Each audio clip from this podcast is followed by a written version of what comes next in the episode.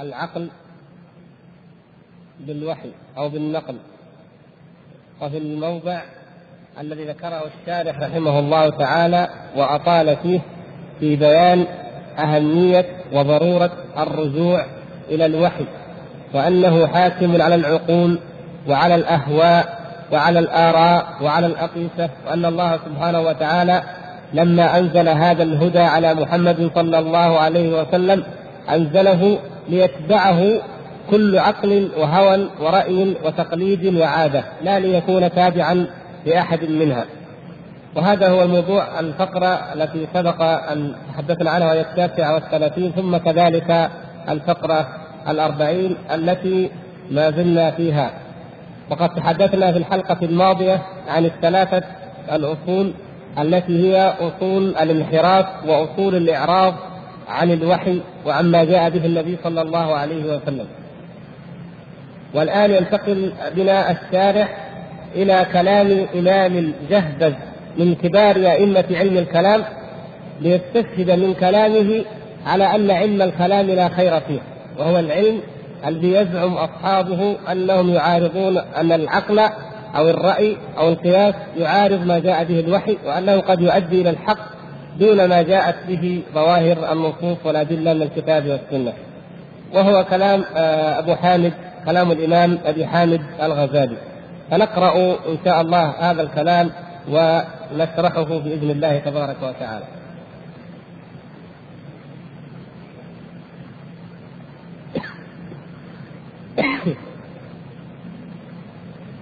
كلامه من إحياء علوم الدين الكتاب المعروف. لدى أكثركم ولديكم جميعا كتاب إحياء علوم الدين. إحياء علوم الدين. تفضل.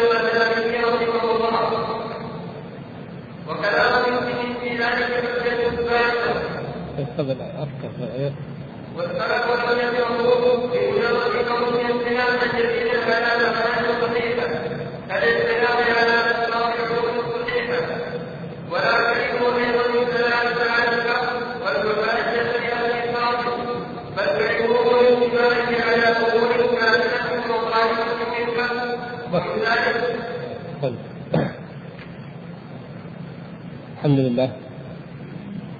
هذا الكلام الذي نقله الشارح هنا جدير بأن يتأمل كثيرا لأنه منقول عن إمام مشهور معروف علم من أعلام الفقه والأصول والتصوف والكلام وله شهرة واسعة وكبيرة جدا في أكثر أنحاء العالم الإسلامي وهو أبو حامد الغزالي.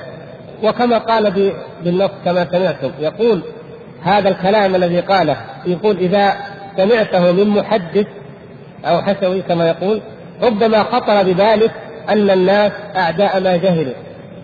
لو أن أحد من علماء الحديث يذم علم الكلام يقول قد تقول أنت هذا عدو له لأنه يجهله ولأنه معروف أن أهل الحديث وأهل السنة أعداء لعلم الكلام لكن يقول فاسمع هذا ممن خبر الكلام يعني نفسه ممن خبر الكلام ثم قاله بعد حقيقة الخبرة وبعد التغلغل فيه إلى منتهى درجة المتكلمين.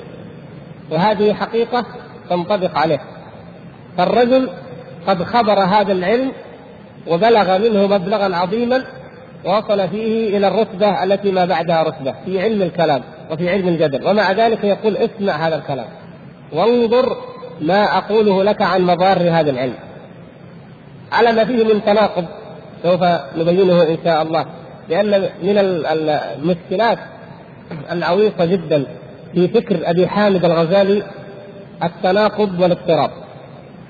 أي إنسان منكم يقرأ في أي كتاب من كتب الغزالي يجد أنه متناقض أحيانا يتناقض بعد صفحة أو صفحتين فضلا عن الكتاب والكتابين متناقض تناقض عجيب وسوف نبين إن شاء الله الآن سبب التناقض وعندما نتعرض لحياة أبي حامد الغزالي وكيف عاش هذا الرجل. ولابد اذا أن نأخذ نبذة عن حياته كمقدمة لهذا الموضوع إن شاء الله ولعله لا يأتينا فرصة نتحدث فيها عن حياته على أهميتها لا أه... ليست اهميتها لمجرد معرفة حياة عالم من الأعلام المشهورين ولكن أهميتها لما فيها من العبرة ومن العظة. ولو أن كل مسلم وكل عالم وكل داعية تأمل في حياة الغزالي وفي سيرته وما تقلب فيه من الأفكار لأخذ العبرة والعظة ولبدأ من حيث انتهى هذا الرجل. الرجل ذو العقل الضخم وذو الفكر الواسع والمؤلفات الكبيرة لماذا نجرب نفس التجربة؟ لماذا لا نبدأ من حيث انتهى؟ أبو حامد الغزالي رجل من بلاد العجم من بلاد طوس في شرق ما نسميه اليوم إيران أو قريب من أفغانستان ولد هناك سنة 450 يعني سنة 50 و400 من الهجرة وبرع في الفقه أول ما برع في الفقه حيث كان هناك العلماء والفقهاء من الشافعية فبرع في الفقه كثيرا وبلغ منه منزلة عالية حتى أنه أصبح فقيها من فقهاء الشافعية يفتي ويتكلم ويعلق وهو ما يزال في مقتبل العمر. ولكن جاءه الداء العضال من قبل شيخه الإمام الكبير المشهور أبو المعالي الجويني. شيخه أبو المعالي الجويني على شهرته في مذهب الشافعية وعلى إمامته عندهم وقع في الخطأ الكبير الذي قال هو عن نفسه في الرسالة النظامية قال لقد ركبت البحر الأعظم. وخضت في الذي نهى عنه علماء الإسلام وهو علم الكلام. البحر الأعظم هذا ركبة وخاض فيما نهى عنه السلف كما نقل تلميذه أبو حامد هنا. والجويني آخر الرحلة وآخر المطاف يتمنى أن يموت على عقيدة عجائز نيسابور. هو من نيسابور بلد قريب من طوس يتمنى أبو, أبو المعالي أن يكون قد مات أن يموت على عقيدة عجائز نيسابور ولا يموت على هذا علم الكلام والجدل الذي تعلمه وأضاع عمره فيه. فهل استعب التلميذ؟ لم يستعب. أبو المعالي علم أبا حامد الغزالي الشك لأن علم الكلام كما قال الغزالي كما سمعتم هنا يولد الشك ويولد الحيرة. فالشيخ علم التلميذ الشك وعلمه الحيرة مع أن التلميذ الذي هو الغزالي كان من قوة ذكائه وبراعته في العلم أصبح يفتي الناس وأصبح طلاب العلم يتوافدون ويتزاحمون على منبره وعلى بابه ومع ذلك الشك في قلبه. الشك يقتله من الداخل والناس يسمعونه يفتي في الفقه في الأحكام من الخارج ولا يدرون بحقيقة هذا الشك. فالغزالي احتار وقال كيف يكون اليقين؟ أين نجد اليقين؟ اليقين يا إخوان شيء عظيم والله ليس شيء لا شيء في الدنيا يعدل اليقين بالله سبحانه وتعالى. فليحمد الإنسان الله عز وجل. إذا وفق لليقين وللإيمان وللاعتقاد الصحيح. أهل الحيرة لا يشبعهم في هذه الدنيا أي متاع. أبدا. أي أهل الشك لا يرضيهم ولا يقنعهم أي شيء في هذه الدنيا ما دام عندهم شك في دينه مثل الفلاسفة من اليهود والنصارى والشيوعيين وأمثالهم ليل نهار يفكرون معقول نحن جينا إلى هذه الدنيا كذا إيش الهدف من هذا الكون؟ المجرات هذه يقال لها بالملايين وأعمارها بملايين الملايين، إيش الهدف منها؟ ليش جات؟ أشياء كثيرة محيرة لا حل لها ولا علاج لها إلا باليقين بالإيمان الذي يأتي نتيجة قراءة كتاب الله وسنة رسول الله صلى الله عليه وسلم. فهذا أبو حامد ولد على الفطرة مسكين ولكن عن طريق شيخه علم الكلام أفسده عن طريق الشيخ الإمام أبو المعالي إمامه أبي المعالي الدولي. فهذا الشك جعل الغزالي يقول كما ذكر عن نفسه في كتاب الموقد من الضلال يقول فكرت وفكرت فقلت إن الحق لا يخرج عن أربعة أصناف، الأربعة الأصناف الذين كانت الأمة الإسلامية مع في عصر الانحراف والاضطراب والفتن كانت تموج بهم. قال قلت لا يخرج الحق عنهم. المتكلمون أهل علم الكلام لعل عندهم الحق ولعل اليقين يستفاد عن طريقهم. ثم الباطنية وهؤلاء قد سبق أن تحدثنا قليلا عنهم. هم الذين يقولون يتلقون العلم والهدى عن طريق الإمام المعصوم أهل الكلام يقولون اليقين يتلقى عن طريق إيش؟ يمكن يأتي عن طريق العقل والبحث.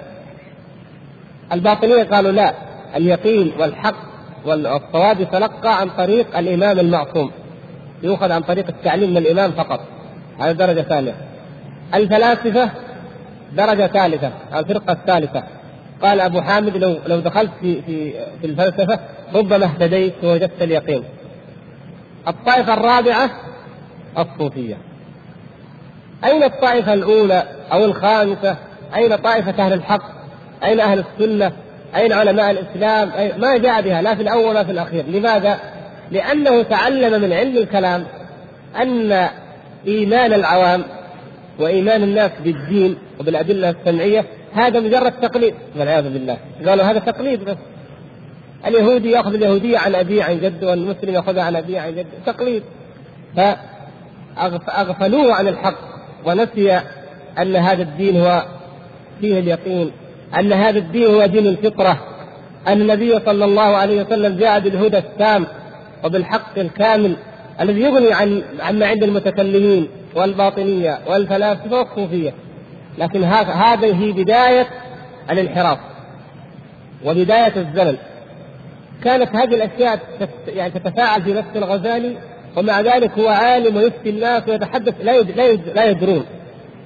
أقبل على كتب المتكلمين أقبل على علم الكلام. وعد منه وأخذ ونهل كما قال كما سمعتم هنا حتى بلغ فيه درجة عليا. وأخيرا لم يجد فيه اليقين ولم يجده ما وجد اليقين. نفسية كثافة نفسية حساسة كثافة وذكاء يعني بارع ذكاء في منتهى الذكاء والفهم. ما وجد الحق في علم الكلام وجد التناقض والاضطراب فرفضه.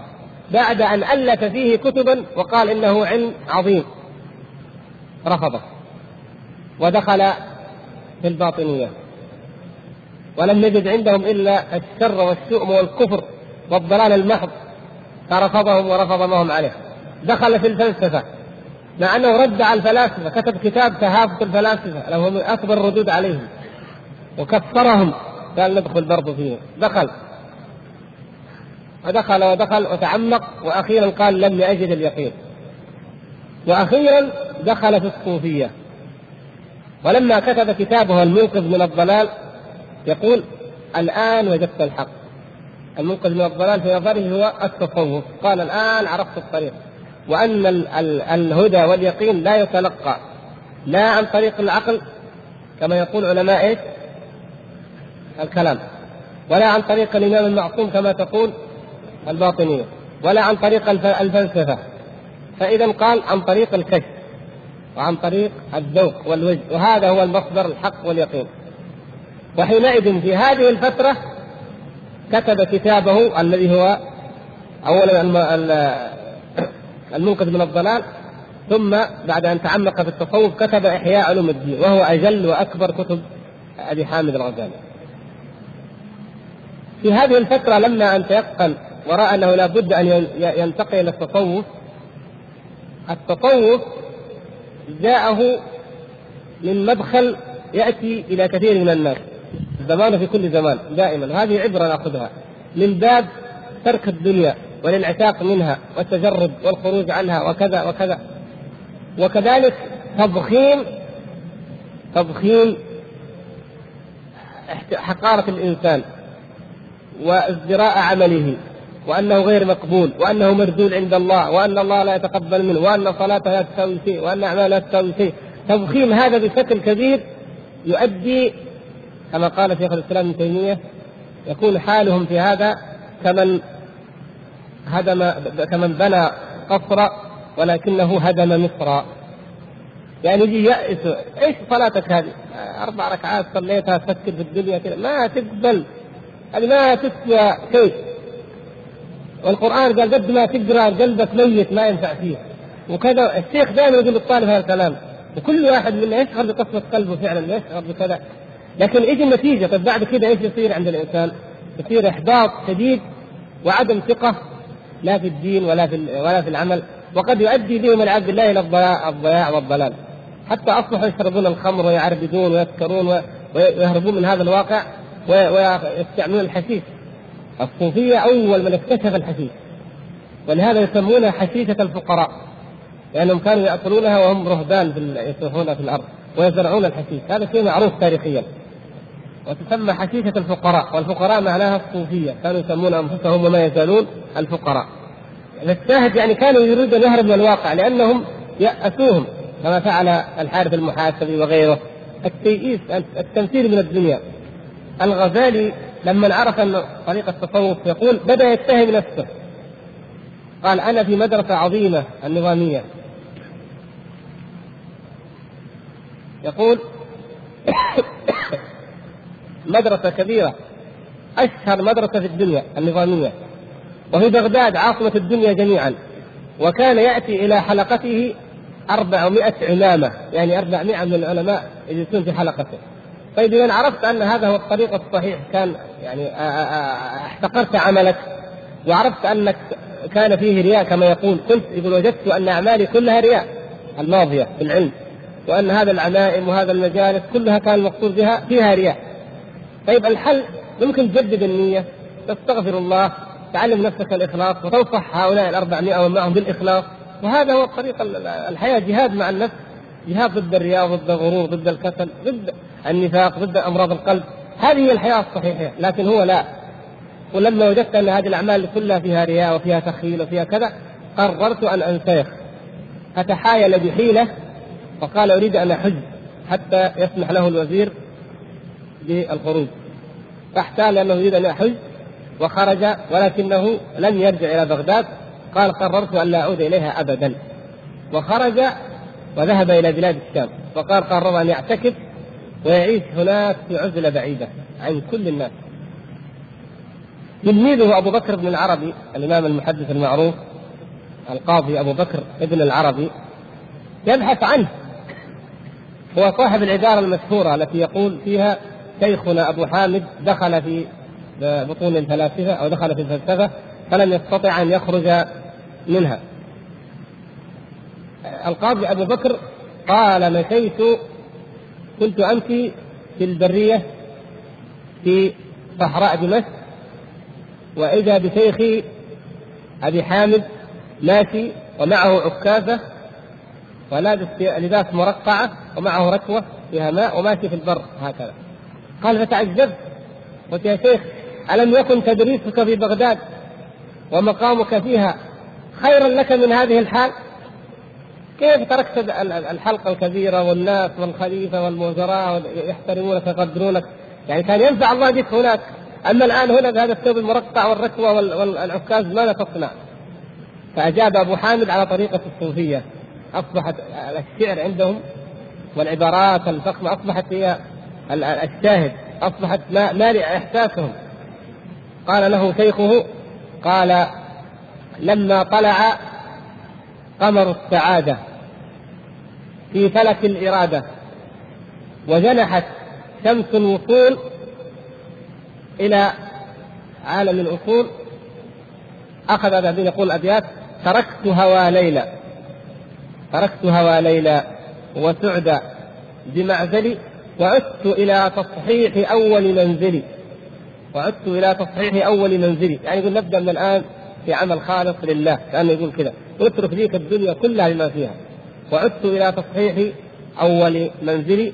ونادت بي الأشواق مهلا فهذه منازل من تهوى. رويدك فانزلي. غزلت لهم غزلا دقيقا. فلم أجد لغزلي نساجا فكسرت مغزلي. يعني يقول في البيت الأخير لما كنت في بغداد كنت أقول أجيب لهم العلم الدقيق علوم دقيقة. فيقول غزلت لهم غزلا دقيقا. فلم أجد لغزلي نساجا ما وجدت من ينسجه يعني كأنه ما العلم الذي يريد أن أقوله ما يستوعبوه ما يفهموه. هذا علم كما يقول هو بعض كتبه المظنون به على غير أهله. هذا علم توحيد التوحيد خاصة الخاصة. هذا ما يعرض على أمثال أولئك الناس. فقال إيش فكسرت مغزلي؟ يعني ترك النظامية وترك العلم وأخذ يحمل هذه الركوة ويأتي. نلاحظ التناقض حتى في في في هذه الأبيات. لأنه إذا كان علم أنها لغير الله ويريد أن يصحح أول منزل ويمشي الطريق من أوله فكيف يقول إنه لا؟ في البيت الثالث يقول السبب إني ما وجدت واحد يستوعب العلم الذي أريد الذي كنت أقوله. وجدت ناس ما يستحقوا العلم. فهناك تناقض لأنه لو كان الغرض هو الدنيا التنفير من الدنيا أو الغرض هو الآخرة وطلب الآخرة لا صحح أول منزل وهو هناك. وقد يجد من يستمع إليه. المقصود أن الرجل قال لتلميذه هذه الابيات وذهب في الخلاء ذهب في البر وترك الماضي ولا يريد أن يعود إليه. ولما كتب الموقظ من الضلال ذكر كل فرقة من هذه الفرق وما وجد عندها من الاضطراب. قال علماء الكلام ما عندهم إلا الحيرة ما عندهم إلا الشك ما عندهم إلا التناقض ما عندهم يقين أبدا. فتركتهم وانتقلت إلى التعليمية أو الباطنية. فوجدتهم يتلقون عن هذا الإمام المعصوم كما يزعمون. في نفس الوقت الباطنية قتلوا الوزير نظام الملك صاحب المدرسة وكادوا يغتالون الخليفة أو يغتالوا الخليفة المقتدي. فقال وطلب منه الخليفة المستظهر أن يؤلف كتابا ضدهم فكتب كتابا اسمه فضائح الباطنية أو المستظهري المستظهري بالنسبة للخليفة في الرد على الباطنية. فإن وجد الباطنية لا تصلح. رد على الفلاسفة وجد أنها ما تصلح أيضا حتى الفلسفة. التصوف هذا هو الذي قبله في آخر الأمر وأخذ لما وصل إلى هناك واعتزل الناس بدأ يكتب الإحياء. وهو أعظم كتبه. يكتب الإحياء ويهتم في الإحياء بالكلام عن الدنيا التنفير من الدنيا التحذير من علماء السوء. لأنه هو تجربته أنه كان عالم سوء أنه كان يفتي الناس بهذا العدد الضخم لكن ما فيه يقين في الداخل. أنه كان يقصد العلم لغير الله أنه كان من هذه الأمور. ولكن لم يتعرض هذه قضية مهمة لم يتعرض الغزالي في الإحياء للجهاد نهائيا. وإنما أتى بكل الأبواب الزكاة والصلاة وأسرار العبادات والمعاملات والأخلاق إلا الحج الجهاد لم يأتي به أبدا ولم يتعرض له. لأن الصوفية إذا دخل الإنسان فيها وتعمق فيها لا يفكر في الجهاد. الجهاد عنده هو مجاهدة هذه ولو كانوا حقا يجاهدون النفس لجاهدوا ولا تكلموا عن الجهاد ولا أمروا بالمعروف ولا نهوا عن المنكر. لأنه لن لن تصل النفس هذه ابدا في أي مرحلة من مراحل العمر إلى اليقين الكامل الذي يزعمونه. إنما بمجاهدتها بالصلاه وبقراءة القرآن وبالأمر بالمعروف وبقتال الكفار ممكن أنها تتقوى لتصل. لكن يريدونها أن تصل اولا فيموتون ولم تصل. هذا واقع النفس جعلها الله تعالى متقلبة مترددة. وليست كأية آه، علم العلوم يتعلم الإنسان حتى يبلغ النهاية ويثبت. لا هذه يمكن أن تنخفض وترتفع نسبة الإيمان. الشاهد الغزالي كتب عن هذه المعاني جميعا. والعجيب أنه لما كتب في كتاب الإحياء عن العقيدة كتب عن التوحيد. الكتاب أو الباب المسمى قواعد العقائد ضمن كتاب الإحياء. جاء بهذا الكلام فيه هذا الكلام الموجود هنا هو موجود في الجزء الأول من الاحياء في كتاب قواعد العقائد. أحيانا يطبع مستقل رسائل مفرده لكن هو في الحقيقة كتاب قواعد العقائد هو باب من أبواب إحياء علوم الدين في العقيدة. ولهذا أنا قلت إيه؟ فنرى التناقض في حياة الغزالي وفي كلامه والاضطراب إذا كنت قد رفضت علم الكلام وهو أول ما بدأت به ووصلت إلى الاقتناع لأنك أن التصوف هو الطريق الصحيح. طيب لماذا ترجع في, الإحياء وتردنا إلى علم الكلام؟ وبعدين بدأ الكلام بالذم صحيح هذا الكلام الذي سمعتوه فيه ذم من علم الكلام. لكن فيما بعد بعد صفحتين بدأ يقول علم الكلام يدفع الشبهات وينفع في تثبيت العقيدة وينفع في الرد على الملحدين. طيب هذا تناقض. كيف يكون هذا الكلام؟ على كل حال نكمل حياة الرجل ثم نعود إلى هنا. أبو حامد هنالك لما كان في بيت المقدس يتعبد ومعتكف جاءت الحروب الصليبية وسمع بمقدمها وعاد مرة ثانية إلى بلاد المشرق.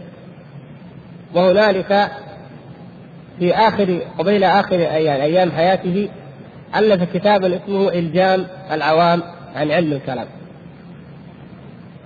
بدأ من جديد يرد ويرفض علم الكلام ويقول إنه علم كله شر وكله فساد وكله لا خير فيه. وفي تلك الفترة التي رفض فيها علم الكلام يظهر أنه أيضا اقتنع أن التصوف لا خير فيه. ولهذا فإنه أخذ يقرأ في كتب السنة حتى ذكروا أن أنه مات وصحيح البخاري على صدره. كان آخر ما كان يقرأ فيه عند الموت هو صحيح البخاري. كلامه قصيدته لما قال أو الأبيات التي تمثل بها لما قال للقاضي أبي بكر تركت هوى سعدى ليلى وسعدى بمعزلي وعدت إلى تصحيح أول منزلي. ينطبق على آخر مرحلة من حياته. هذا هو أول منزل. لما بدأ إلى لما بدأ من صحيح البخاري. هنا يكون أول منزل. الكتاب والسنة هي المنزل الأول الذي يجب أن ينطلق منه الإنسان ويبدأ منه الطريق ويترك ما عداها يترك الهوى الآخر. الكلام والباطنية والفلسفة والتصوف أيضا يجب أن يترك. وتوفي رحمه الله سنة 505 هنالك. وهذه كانت آخر مرحلة في حياته. الغربيون بالمناسبة الغربيون لم يكتبوا عن أي أحد من علماء الإسلام مثل ما كتبوا عن أبي حامد الغزالي. ألفوا عنه وكتبوا وإلى الآن تحضر رسائل ماجستير ودكتوراه عن الغزالي. لماذا؟ الغزالي تأثر به رجل غربي مفكر غربي مشهور وهو ديكارت. ديكارت. هذا ديكارت يعتبر من آه، دعائم وأسس النهضة العقلية والفكرية في أوروبا. كيف تأثر بالغزالي؟ قرأ كلام الغزالي في مرحلة الشك لما شك في كل شيء يقول أشك في في, في العلم التقليد إيش هو علم العلم التقليدي؟ الدين الكتاب والسنة. يعني أول ما بدأ يشك والعياذ بالله شك فيها وهذا تقليد. سماع لما شك فيها الغزالي يقول الشك يوصل إلى النظر. والنظر يوصل إلى اليقين. أول شيء تشك بعدين تتأمل تفكر تنظر بعدين تصل إلى إلى اليقين. هكذا كان يظن طبعا ما وصل لكن هكذا ظن. ثم تنقل في هذه المذاهب الأربعة الفكرية وأخيرا رجع إلى أول منزل وهي وهو إلى الكتاب والسنة. ديكارت أخذ هذا الشك وقال اوروبا فعلا كانت تعيش في ظلام دامس وكانت نتيجة الظلام هذا نتيجة التقليد. البابوات ورجال الدين يفرضون أي شيء. الأناجيل يؤمنون بها على ما فيها من تناقض كتب رسائل بولس وأمثاله على ما فيها من كذب ومن تناقض ومن اضطراب يؤمنون بها. فكان الإنسان الغربي يؤمن بأي شيء إيمان أعمى تقليد أعمى. فلما جاء ديكارت قال لابد أن نشك. لابد أن نشك. ومن الشك ننطلق للنظر ومن النظر نصل إلى اليقين. طبعا في فرق بين من يشك في الإسلام من يشك في الحق وبين من يشك في النصرانية لأنه يشك في الباطل. ديكارت لما شك وقال العبارة المشهورة أنا أفكر إذا أنا موجود شك في كل شيء حتى في نفسه. فبدا يقول إيش الدليل إني موجود؟ أنا نفسي إيش الدليل إني موجود؟ قال لأني أفكر هل أنا موجود أو غير موجود؟ ما دمت أفكر هل أنا موجود أو غير موجود؟ إذا أنا موجود. وبدأ من أول الطريق من أول منزلي كما قال الغزالي اوروبا أخذت واستفادت من ديكارت أنها تشك في كل ما جاءها عن عن الكنيسة ورجال الدين والأناجيل المحرفة. ولما شكت أوروبا ونظرت وجدت أنها فعلا كانت تعتقد الضلال. فلذلك انتقلت من العلم التقليدي من منطق أرسطو من علم الدين الذي كانت عليه والضلال إلى العلم التجريبي والعلم التجريبي كما هو معروف الحق فيه واضح لأن العلم الغيبي ما يظهر الحق فيه إلا في الدار الآخرة لكن العلم التجريبي واضح. جرب شيء واضح حط كذا في المعمل حاجة طلعت التفاعل معين اذا طلعنا بنتيجة واضحة. فأوروبا بدأت تسلك هذا الطريق فتجربة وراء تجربة وتقدمت في المجال الصناعي كما تلاحظون. طبعا نتيجة آه، أخذ هذا العلم عن طريق المسلمين ونتيجة قضايا أخرى لكن هو ذكرت بلا شك من دعائم عصر النهضة الأوروبية. فالغربيون أعجبوا بهذا لهذا السبب. ولسبب آخر أن الغزالي إمام كبير من أئمة الإسلام وشك في دينه. وشك في الإسلام. وسمى الوحي العلم التقليدي وهذا هو الذي يريدونه. فكل طالب ابتعث إلى أوروبا وخاصة جامعة السوربون في فرنسا هي التي مهتمة أكثر شيء بالغزالي وعلومه. كل ما يجي واحد يقول له تعال ابدأ يعني قدوتك الإمام الغزالي ابدأ شك في كل شيء في القرآن في السنة في نبوة محمد صلى الله عليه وسلم والعياذ بالله. وبعدين انظر وابحث واجتهد ثم تصل إلى اليقين. ولهذا نجد كثير من المتصوفين الكبار تخرجوا من السربون وما يزالون يتخرجون وعلى منهج الغزالي يسيرون. حتى شوف كيف هم أخذوا العبرة وأخذوا العبرة الخطأ والعبرة الضلال ونحن لم نأخذ العبرة الحق. وهي أن الإنسان يبدأ من حيث انتهى الغزالي. نبدأ بالكتاب والسنة. لماذا نجرب ونجرب؟ الغزالي رجل غير تقليدي هذا صحيح لكنه جعل الدين مما من التقليد. لكن كونه ترك تنقل في هذه الأربعة دليل أنه غير تقليدي فعلا. لو كان تقليدي يمسك أول واحد وبقي عليها. وربما كان بقي على الإيمان الأصلي وهو الدين والإسلام. لكن شك ثم شك في أول أمر ولد على الفطرة كما تعلمون كل مولود يولد على الفطرة. في آخر الأمر يموت والفطرة على صدره وهي هذا الدين. فلف لفة طويلة حتى رجع. لماذا لا يبدأ الطريق إذا من أوله؟ الدعاة المربون الموجهون العلماء. الذين يأتون بالمناهج الضالة من غربية أو شرقية أو بالبدع الضالة من صوفية أو علم كلام أو فلسفات أو نظريات.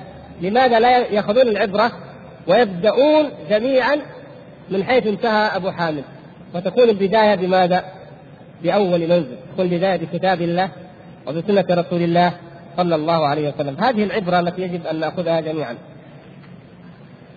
يقول أبو حامد فإن قلت فعلم الجدل والكلام مذموم كعلم النجوم أو هو مباح أو مندوب إليه. فاعلم أن للناس في هذا غلوا وإسرافا في إفراط لاحظوا حكمه. يقول أن الناس في غلو وفيه إسراف. يعني أفرطوا إما في المدح وإما في الذم طيب هذا هذا أول شيء. يقرر هذه القاعدة. يقول فمن قائل إنه بدعة حرام. وأن العبد أن يلقى الله بكل ذنب سوى الشرك خير له من أن يلقاه بالكلام. إذا كأن نفهم أن هذا إسراف هذا إسراف الذين قالوا أنه حرام هؤلاء عندهم إسراف يقول ومن قائل هذا المقابل الآخر إنه فرض إما على الكفاية وإما على الأعيان وإنه أفضل الأعمال وأعلى القربات فإنه تحقيق لعلم التوحيد ونضال عن دين الله. كأنه هنا طريقين في إسراف عند من قال حرام وعند من قال واجب. طيب. يقول وإلى التحريم المذهب الأول التحريم ذهب الشافعي ومالك وأحمد بن حنبل وسفيان وجميع أئمة الحديث والسلف طيب. سبحان الله. هو جعل نفسه كيف؟ جعل نفسه هذول مفرطين وهذول مفرطين، طيب من من المفرطين الذين قالوا حرام؟ الشافعي الغزالي شافعي. وهو من أكبر أئمة الشافعية ويكتب دائما الشافعي في في آه اسمه يعني. وله كتاب المنخول في أصول الفقه على طريقة الشافعية وكتبه في في مذهب الشافعي أيضا من كتب الدرجة الأولى. فإمامك الذي تقلده وتنتمي إليه وتنتسب إليه تجعله في مقابل طرف غلو. وتجعل علماء الكلام المذمومين المردودين في طرف غلو آخر. نشوف كيف التناقض؟ وقلنا من أسباب التناقض أن الرجل مر بعدة أطوار بعدة أطوار فأصبح يعني عقلية مضطربه مختلطة مع قوة الحافظة وقوة الذكاء وغزارة الفهم يفهم الكل.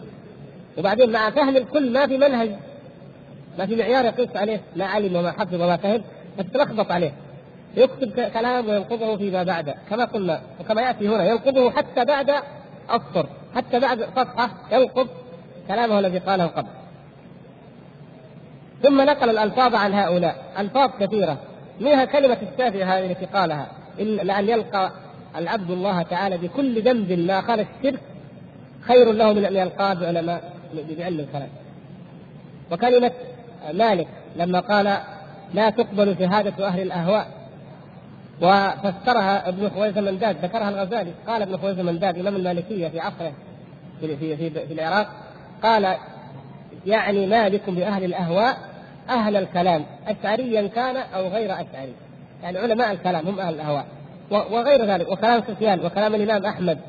قال وأئمة جميع أئمة الحديث من السلف النقول عنهم معلومة وستأتي إن شاء الله تعالى. نحن الآن في أول بداية الكلام عن ذم علم الكلام من هذا الشرح. سوف نستمر بإذن الله تعالى عدة دروس عدة أسابيع ونحن في موضوع ذم علم الكلام وبيان فساده وتناقضه واضطرابه ونورد لكم إن شاء الله في, مو... في كل مرة في مواضعه ماذا قال علماء السنة في ذم هذا العلم. وأيضا ماذا قال أهل الكلام الذين رجعوا عنه في ذمه. المقصود قال هذا ثم قال وقد اتفق أهل الحديث من السلف على هذا على ذم علم الكلام لا ينحصر ما نقل عنهم من التسديدات فيه. يقول ما ينحصر ما نقل عن علماء السلف من التسديد في ذم علم الكلام. كثير ما ينحصر. قالوا يقول قالوا ما سكت عنه الصحابة مع أنهم أعرفوا بالحقائق وأفصحوا بترتيب الألفاظ من غيرهم ما سكت عنه إلا لما يتولد لما يتولد منه من الشر ما سكتوا يعني عنه إلا لما يتولد منه من الشر وهذا حق. أي علم من العلوم لو كان خير فالصحابة أسبق الناس إليه ولم يأتي بعدهم من يسبقهم إلى خير أبدا. يقول وكذلك قال صلى الله عليه وسلم هلك المتنطعون. الحديث الصحيح المعروف هلك المتنطعون. يقول أي المتعمقون في البحث والاستقصاء قال واحتجوا أيضا يعني الطرف الأول علماء السلف واحتجوا أيضا لأنه لو كان من الدين لو كان علم الكلام وعلم الجدل من الدين لكان أهم ما يأمر به الرسول صلى الله عليه وسلم ويعلم طريقه ويثني على أربابه. إذا كان لا يمكن نصل إلى اليقين إلا بعلم الكلام فكان أول علم يعلمه النبي صلى الله عليه وسلم الأمة هو هذا العلم لأنه جاء ليعلمهم اليقين وجاء ليذهب عنهم الشك والضلال. وإن كنتم من قبله ضلال مبين فجاءنا يعلمنا الكتاب والحكمة ويزكينا ويبعدنا عن طريق الضلال. فإذا كان يزيل وينقذ من الضلال هو علم الكلام إذا أول علم علمه النبي صلى الله عليه وسلم الصحابة هو علم الكلام. وأيضا نقول للغزالي لو كان المنقذ من الضلال هو التصوف لكان أول ما علم النبي صلى الله عليه وسلم الأمة آه، لينقذهم به من الضلال التصوف نفس الشيء. ثم ذكر بقية استدلالهم ثم ذكر استدلال الفريق الآخر. الفريق الآخر يقولون فيه دفاع عن الدين وفيه مناظرة الملحدين وفيه قمع للشبهات وفيه وفيه هكذا. يعني ذكر أدلة موجودة في أول الجزء الأول من من الإحياء كما قلنا قواعد العقائد. قال فإن قلت فما المختار عندك؟ طيب الحين ذكر أن السلف جميعا مجمعون على شيء. وأن أهل الكلام خالفوهم بعدين هو يرجح. شفتوا كيف؟ قال فإن قلت فما المختار عندك؟ فأجاب بالتفصيل. فقال فيه منفعة وفيه مضرة. يعني السلف ذموه بإطلاق. قالوا لا نفع فيه ولا خير فيه. وذكر أنهم مجمعون على ذلك وأن كلامهم لا يخطى في التشديد في ذلك. وترجع تخالف إجماع السلف. ما معنى ذلك؟ إذا هو زي ما قال تركت التقليد وأخذت انتهج سبيل النظر حتى أصل إلى اليقين. فترك يعتبر كانه اتباع السلف من باب التقليد. فترك كلام السلف وإجماعهم ويقول لا إحنا نفصل. طيب كيف التفصيل؟ قال فيه منفعة وفيه مضرة. فهو في وقت الانتفاع حلال أو مندوب أو واجب كما يقتضيه الحال وهو باعتبار مضرته في وقت الاستضرار ومحله حرام. قال فأما مضرته كاثاره الشبهات. طيب هذا هذا واحد يكفي. وتحريف العقائد. يعني زعزعة العقائد. وإزالتها عن الجزم والتصميم. وذلك مما يحصل بالابتداء. يحصل بالابتداء. أي إنسان يتعلق بالجدل وفي علم الكلام هذا يحصل عنده بالابتداء الزعزعة. ورجوعها بالدليل مشكوك فيه. طيب هذا ينطبق عليه. يعني يقول كيف أول شيء نقول للإنسان شوف وفكر واستدل وبعدين ما نضمن لما نجيب الدليل إنه يرجع. طيب اذا اذا العدم أفضل وإلا فيقول ورجوعها بالدليل مشكوك فيه ويختلف فيه الأشخاص. فهذا ضرره في اعتقاد الحق. هذا ضرر علم الكلام في في اعتقاد الحق وفي الدلالة عليه. قال وله ضرر في تأكيد اعتقاد البدعة. لديه الاتباع للنبي صلى الله عليه وسلم وللسلف الصالح. ويقول نحن مع السلف. لو أن الغزالي مثلا هنا قال نحن مع هؤلاء السلف. أراح نفسه وأخذ موقف واضح. لكن يقول فيه تفصيل. وقد يكون واجب. وقد يظن فيه زائدة وبعدين يقول والله التخبيط والتضليل أكثر تناقض ثم يقول قال هذا الكلام يوجهه إلى كل باحث وإلى كل مطلع وإلى كل قارئ من أي يعني اتجاه. قال وهذا يعني كلامي هذا لما قلت لك النظار إذا سمعته من محدث أو حسوي والحسويه هذا عندهم الحسو والكلام كانوا يلبسون علماء الحديث بهذا يقول إذا سمعت من محدث أو حسن ربما خطر بذلك أن الناس أعداءنا جهلوا. يا أخي هذول علماء حديث ما عندهم إلا قال الله وقال رسول الله عن فلان عن فلان فلان ضعيف فلان صحيح. ما يلزم فيه فلذلك ما تستغرب إنه يتكلم يذم علم الكلام يذم الفلسفة. جاهل والناس اعداء لا جاهل يمكن يقال لك هذا الشيء. لكن فاسمع هو يقول لا فاسمع هذا ممن خبر الكلام. أنا ماني كذا أنا ماني محدث ولا حسبي ولا أنا متكلم خبرت هذا العلم فاسمع هذا ممن خبر الكلام ثم قاله بعد حقيقة الخبرة وبعد التغلغل فيه إلى منتهى درجة المتكلمين خذ عني يقول خذ عني هذا الكلام أنا متأكد أنا قد خبرت كل هذا. فقد بلغت إلى منتهى درجة المتكلمين إذا آه وصل إلى إيش؟ إلى منتهى درجة المتكلمين. وجاوز ذلك إلى التعمق في علوم أخرى سوى نوع الكلام يقول كمان أنا جاوزت ذلك إلى التعمق في علوم أخرى في الباطنية في الفلسفة في التصوف أتعمق حتى هو يقول إيش؟ أبو حامد الغزالي في الموقظ من الضلال يقول وجدت علم الكلام وجدت علما وافيا بمقصوده غير واف بمقصودي كيف هذا؟ يعني هو يقول العلم في ذاته على قد أهله وافي يكفي يعني علم. لكن بالنسبة لرغبتي أنا ما هو وافي بها. لأنه يعني يقول أنا أريد اليقين. أنا شاك أبحث عن اليقين. ما يعطيني هذا العلم. لكن مقصوده هو وهو مجرد الجدال والنزاع وإثارة القضايا والاستنباطات. علم كافي. يغرق فيه الإنسان. لكن هو نفسه كافيا لمقصوده غير واكل لمقصودي أنا وهو اليقين. ما ما يولد اليقين ولا ينتج اليقين. بعدين يقول وجاوز ذلك إلى التعمق في علوم أخرى غير الكلام. يقول وتحقق أن الطريق إلى حقائق المعرفة من هذا الوجه مسدود. يعني يقول أنا تحققت أن الطريق ومعرفة الحق عن طريق علم الكلام مسدود لا يمكن ابدا. ولعلي لا ينفك الكلام في الأخير ضرب الصدر.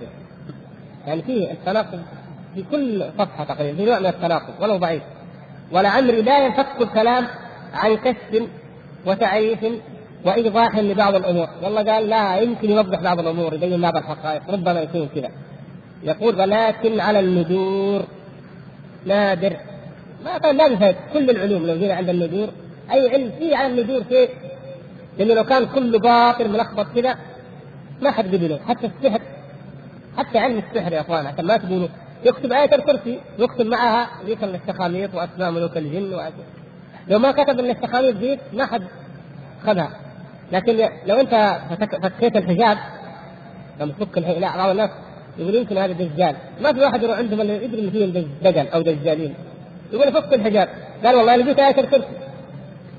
قل هو الله أحد. اسم الله الأعظم. يا الله يا الله أو ما أدري أسألك باسمك الأعظم. لما لقي هذا قال لا الحمد لله إذا اطمئنيت. طيب هذيك السخانات اللي فوق وجوا وفي جميع الأطراف ما ينظر لها. ينسى. يقول الحمد لله ما دام لقيت الآية. فهو زي كذا. كل العلوم لا بد أن تدلس وتأتي بشيء من الحق. خل البريء أو الساذج أو المغفل. لما يشوف هذه ينسى هذه. ينسى هذيك الحواسب. وهكذا علم النجوم كما قال النبي صلى الله عليه وسلم. إنه يتلقى الكلمة يسمع الكلمة. سوف يموت فلان. أو سوف يتزوج فلان. الجني الشيطان هذا ألقاها إلى وليه قبل أن يدركه السهاب أدركه السهاب فألقاها. حفظها الولي من الإنس. حفظها. إيش يسوي؟ فيضع معها 100 كذبة. يضع 100 كذبة. يقول للناس تعالوا يا ناس ترى فلان سوف يقع له كذا. وهو بعيد ببلد آخر. والله وقع صحيح. والناس يتحدثون بهذا جاء واحد ثاني إيش رايك أنا اتزوج فلانه كيف؟ تزوجها جبت منها أطفال وتقعد معاه. تزوجها بعد أسبوعين طلقها. يا جماعة وفلان قال له فلوسك ضاعت أنا أجيبها لك ما يهمك.